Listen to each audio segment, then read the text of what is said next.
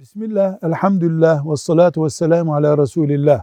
Hem kafirlere iyi davranın, insan ilişkileriniz iyi olsun deniyor. Bu dinin büyük müdür deniyor.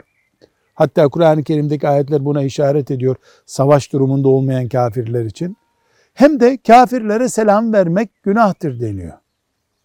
İkisi arasında bir çelişki mi var diye merak edenlere diyoruz ki hayır.